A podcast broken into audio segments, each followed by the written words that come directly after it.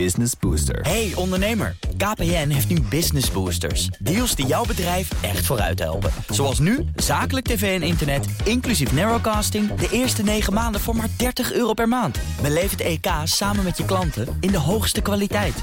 Kijk op kpn.com slash businessbooster. Business Booster.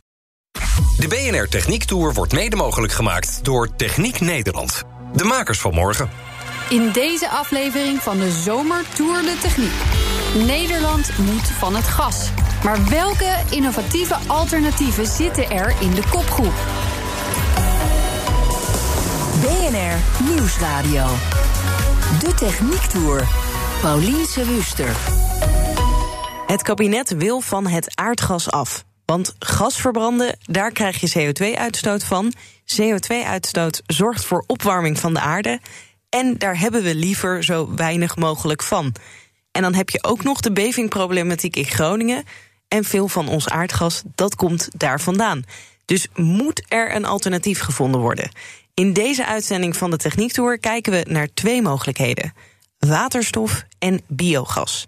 En we beginnen met die laatste in het Overijsselse Olst bij Rob Boerkamp. Ik ben melkveehouder in eh, de gemeente Olstweijen. En we staan hier uh, tussen jouw koeien. Hoeveel zijn het er? We hebben 350 koeien. Koeien die produceren ook mest en daar doe jij iets mee? Ja, dat klopt. We hebben sinds anderhalf jaar hebben wij een uh, monomestvergister.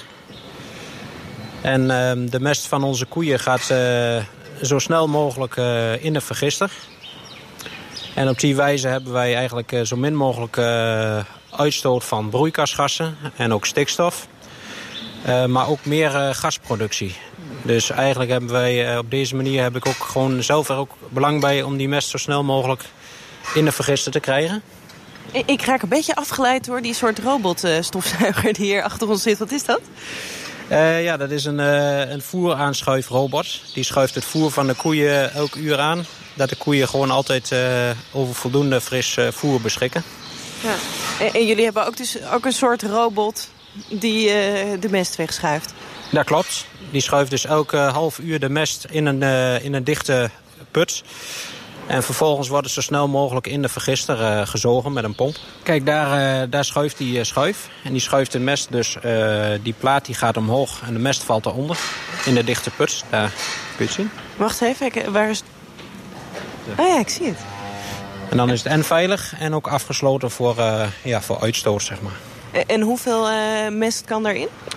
Uh, wij hebben er ongeveer van, uh, van twee dagen mest in zitten nu. En, en, er is nog wel wat ruimte over volgens mij? Ja, voor calamiteiten. Op het moment dat, uh, dat de pomp niet werkt of wat ook... dan wil je natuurlijk voldoende buffer hebben dat het op dat moment opgevangen kan worden. Ja, en dan gaat het straks vanaf die put... gaat het uiteindelijk naar de vergister die we daar op het eind zien, hè? Ja, we hebben een ondergrondse pijpleiding. Die gaat dus vanaf die dichte kelder... waar dus die schuif die mest inschuift gaat die uh, mest in de vergister. Ja. Nou, laten we dan naar de vergister uh, toe gaan. Ja. Uh, voor de mensen thuis, waar, waar staan we naar te kijken? dat is een opslagtank van 2000 kub mest. En, hoe, hoe, hoog is die groene wand hier? Die groene wand is 6 meter hoog en de diameter is ongeveer 18 meter. En dan zit er bovenop ook nog een, een grijze koepel? Ja, een grijs bol dak. En uh, daar zit dus het gas uh, in wat opgewekt wordt door die bacteriën in de mest. Via deze leidingen gaat het door een ondergrondse leiding gaat, wordt die mest in de vergister gepompt. En vervolgens elk uur gaat er twee kuub in, zeg maar. En dat wordt verwarmd en wordt rondgevoerd. En dan ontstaat er biogas. Dus, dus dit is eigenlijk een hele grote emmer vol met mest wat uh, verwarmd en heen en weer geroerd wordt. Ja, ja juist. Dat, dat, klinkt eigenlijk als een, uh, een vrij simpel idee. Ja, daar zijn wij ook wel uh, van. Van simpel, simpel houden als het simpel kan. dus die, die mest in die ton en verwarmen, dat is simpel. En vervolgens komt er wel een stuk techniek bij om, om het ook geschikt te maken voor ja, groen gas. Dat het op het aardgasnetwerk kan. Mijn naam is Martin van Warmerdam. Ik werk uh, als business developer voor Biogas Plus. Wij hebben bij Rob deze installatie gebouwd. En, jij weet dus ook uh, van alles over uh, hoe, de, hoe, dit gas uiteindelijk ontstaat en wat ermee gebeurt. Want het wordt dus verwarmd, de mest, en rondgedraaid. En dan bovenin komt gas. En kan je daar dan gelijk iets mee? Moet er nog iets gefilterd worden? Nou, dit is, we staan te kijken naar een uh, vergister met een mesofiel vergistingsproces. Dat betekent dat de mest hier naar 40 graden wordt opgewarmd en uh, zuurstofloos wordt opgeslagen. Onder die omstandigheid uh, gaan bacteriën de organische stof in de mest omzetten naar biogas. En dat biogas dat bestaat voor circa 55% uit methaan en 45% uit CO2 en nog een aantal restgassen in kleine hoeveelheden. Dat gas, uh, zoals Rob al vertelde, wordt boven onder het gasdak opgeslagen. En vanaf daar wordt het uh, via de leiding die je hier aan de zijkant ziet, de zwarte leiding, uh, naar de container gebracht. En in de container, daar halen we eerst het vocht eruit, omdat het uh, warm vocht is. Net als de mest 40 graden is, is het gas is ook 40 graden. Vervolgens halen we zwavelgas eruit. Dat, dat zou je kunnen omschrijven als een rotte eierengeur als we het zouden laten gaan. En dat wil je dus ook niet in je, in je aardgasnetwerk hebben. Uh, en nog wat overige organische stoffen die er, erin zitten. Daarna, als het uh, gereinigd is van die uh, vervuilende stoffen... wordt het opgewerkt naar de juiste verbrandingswaarde. Ehm, het Nederlands aardgas heeft circa 90% methaan en dit gas heeft ongeveer 55% methaan. Dus wat we doen is het overige CO2 uit het gas halen totdat we 90% methaan in het gas hebben. Uh, en dan krijgen we de juiste verbrandingswaarde, wat ook het aardgas in Nederland heeft. Als dat uh, volstaat, dan stoppen we nog het geurstofje er aan toe wat in aardgas zit. En dan stoppen we het in het aardgasnetwerk. Het geurstofje zodat mensen weten als uh, de gaskraan aanstaat? Juist, dat geurstofje, ja. ja. ja. gas is in feite geurloos, maar dat geurstofje dat geeft uh, de bekende gasgeur. Ja. Dat gas dat wordt dus teruggeleverd naar het aardgasnetwerk direct ook hier? Ja, ja, dus als je zo meteen in de container kijkt, dan zien we daar een, een, grote compressor staan die het naar 10 bar brengt.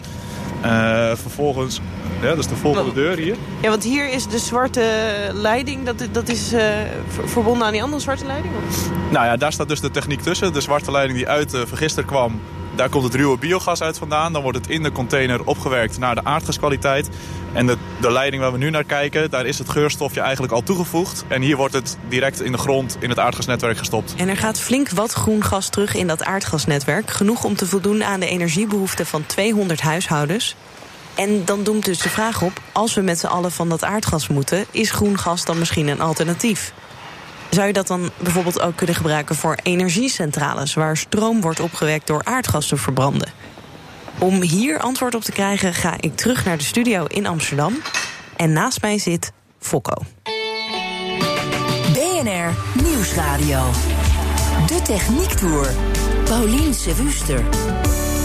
Uh, mijn naam is Fokko Mulder. Ik ben hoogleraar bij de TU Delft op het gebied van uh, materialen voor duurzame energie, zeg ik dan altijd maar. En allereerst legt Fokko uit hoe de meeste energiecentrales in Nederland werken. Uh, er gaat aardgas in en dat wordt verbrand. Er komt hoge temperaturen bij kijken. Er wordt een stoommachine mee aangedreven en een gasturbine. En beide produceren elektriciteit. We moeten uiteindelijk dus van dat gas af. Uh, dus daar moet iets nieuws uh, voor verzonnen worden.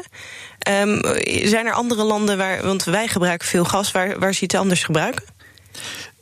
Uh, nou ja, wereldwijd is het hoofdzakelijk uh, kolen, gas en olie en kerncentrales. Uh, het duurzame gebruik van energie, dat is nu enorm in opkomst. Hè? Ja.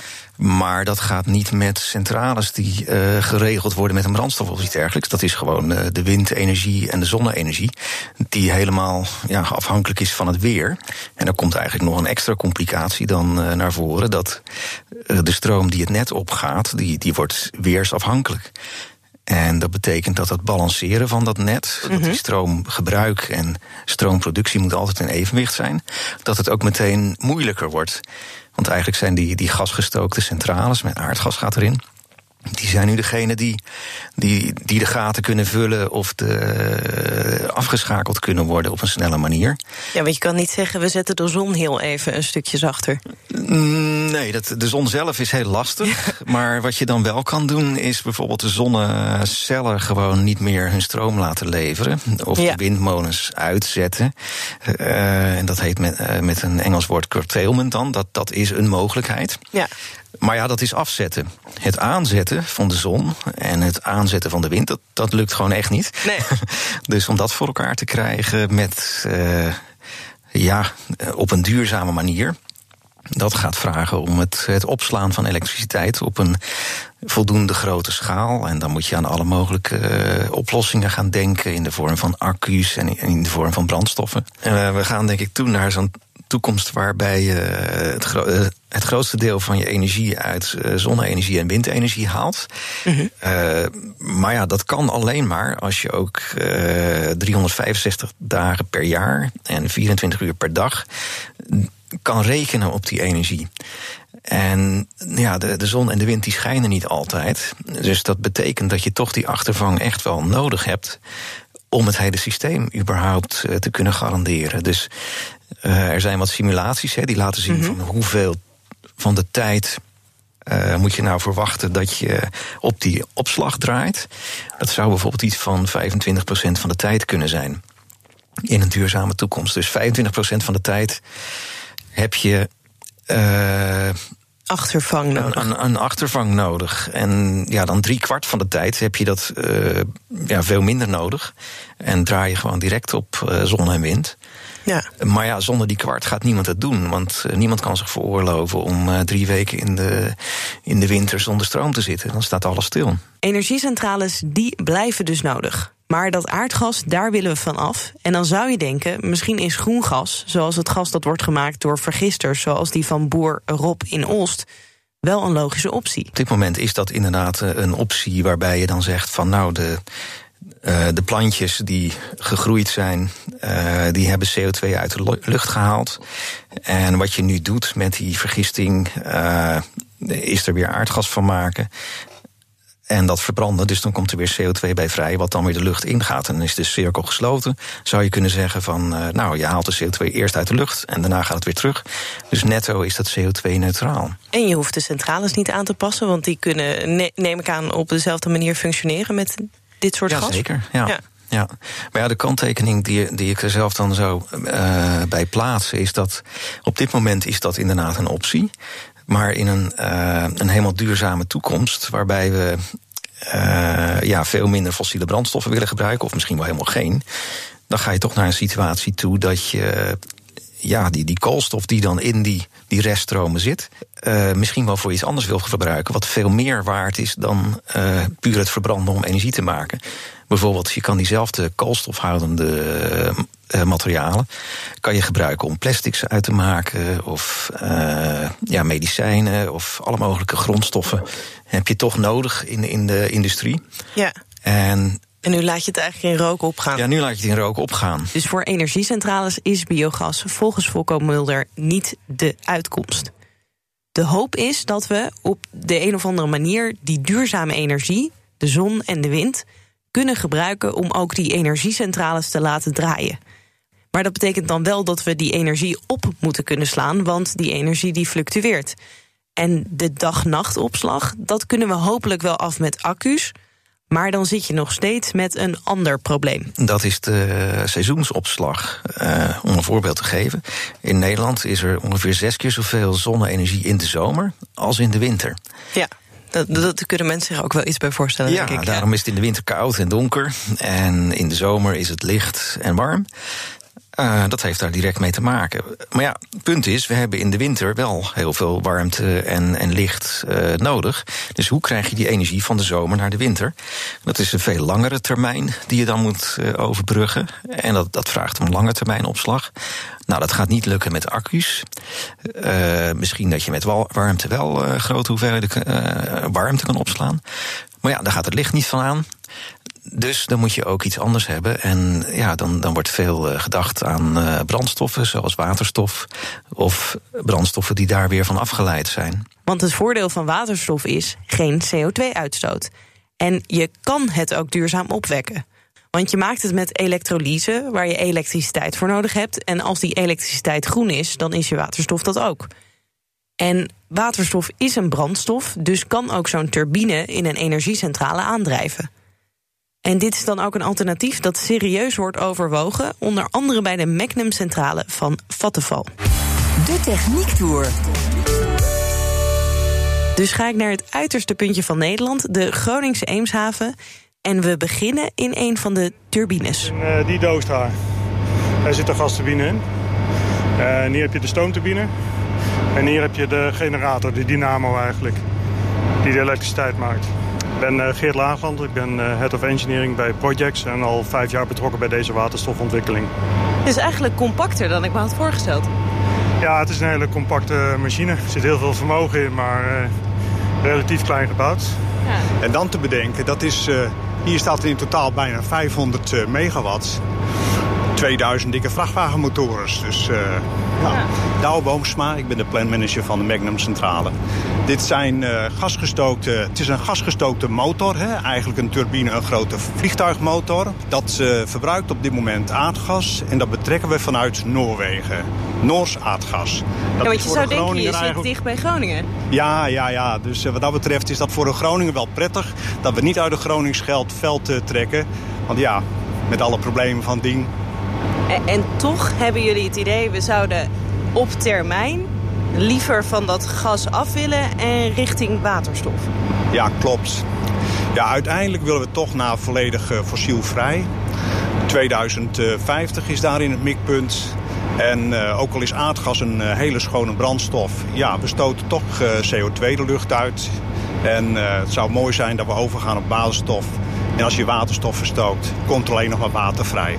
Ja. En uh, u bent projectleider uh, waterstof.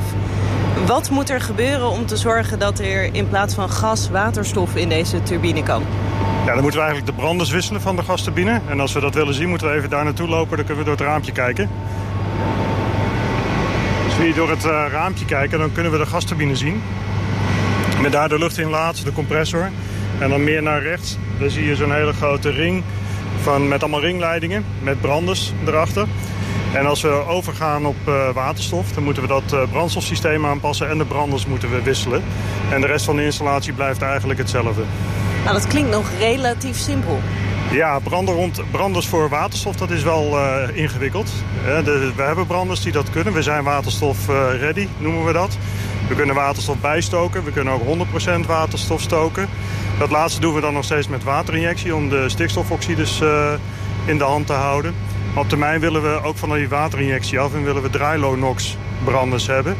En dat betekent dat we ook nog een hoger rendement zouden hebben dan dat we in eerste instantie zouden bereiken met uh, die oudere branders. Dus in principe is de technologie gewoon beschikbaar vandaag om deze eenheden om te bouwen op, uh, op waterstof. Want vanaf hier kunnen we dan naar de lift en helemaal naar boven? Dan moeten we even naar een andere lift, buitenlangs. Het is wel een workout om hier uh, te zijn. Om wat zicht te hebben op dit grote plaatje, hoe de Magnum-centrale eruit zou zien zonder gas, gaan we met de lift naar bovenop de turbinehal.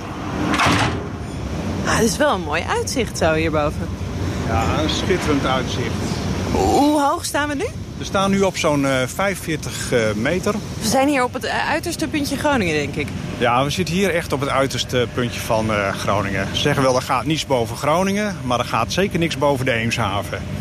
Je zit hier tegen het Duitse Wat aan. En ja, echt een mooi stukje natuur eigenlijk. Ja, en dan zou je denken, jullie zitten helemaal op het einde van het land, want dit is hartstikke vervuilend. Ja, ik denk dat dat absoluut niet waar is. Ehm, wat ik zei, we grenzen aan een natuurgebied. Wat dat betreft worden daar ook hele strenge eisen aan gesteld. Natura 2000.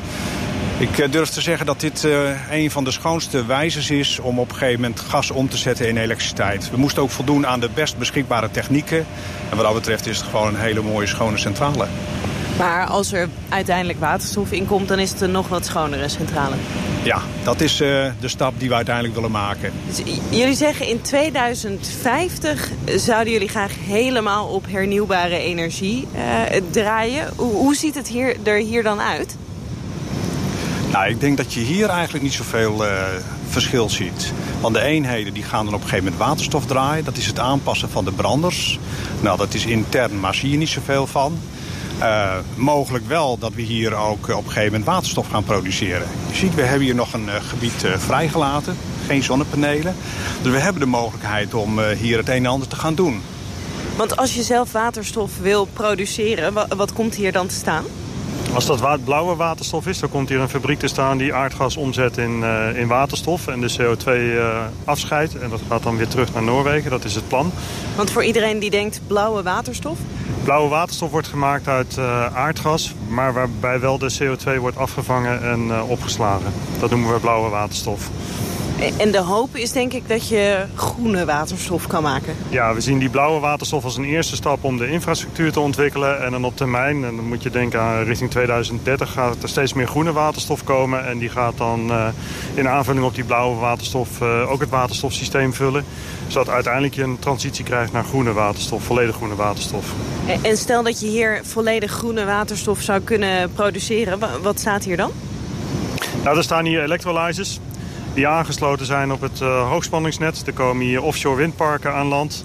Op het moment dat er overschotten zijn vanuit uh, de offshore wind... dan kunnen we die hier omzetten in waterstof. Dat gaat het, de waterstofinfrastructuur in, kan opgeslagen worden. En wij kunnen dat dan weer gebruiken als brandstof op, op het moment dat er te weinig wind en zon is... om de elektriciteitsbehoefte te dekken.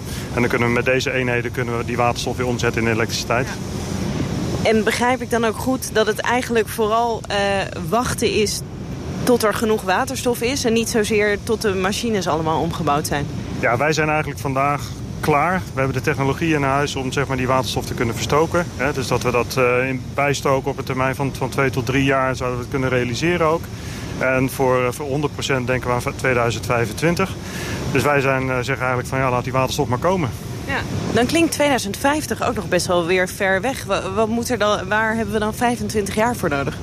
Nou, die 25 jaar is eigenlijk nodig om voldoende overschotten aan hernieuwbare elektriciteit uh, te krijgen. Voldoende technologische ontwikkelingen op het gebied van electrolyzers.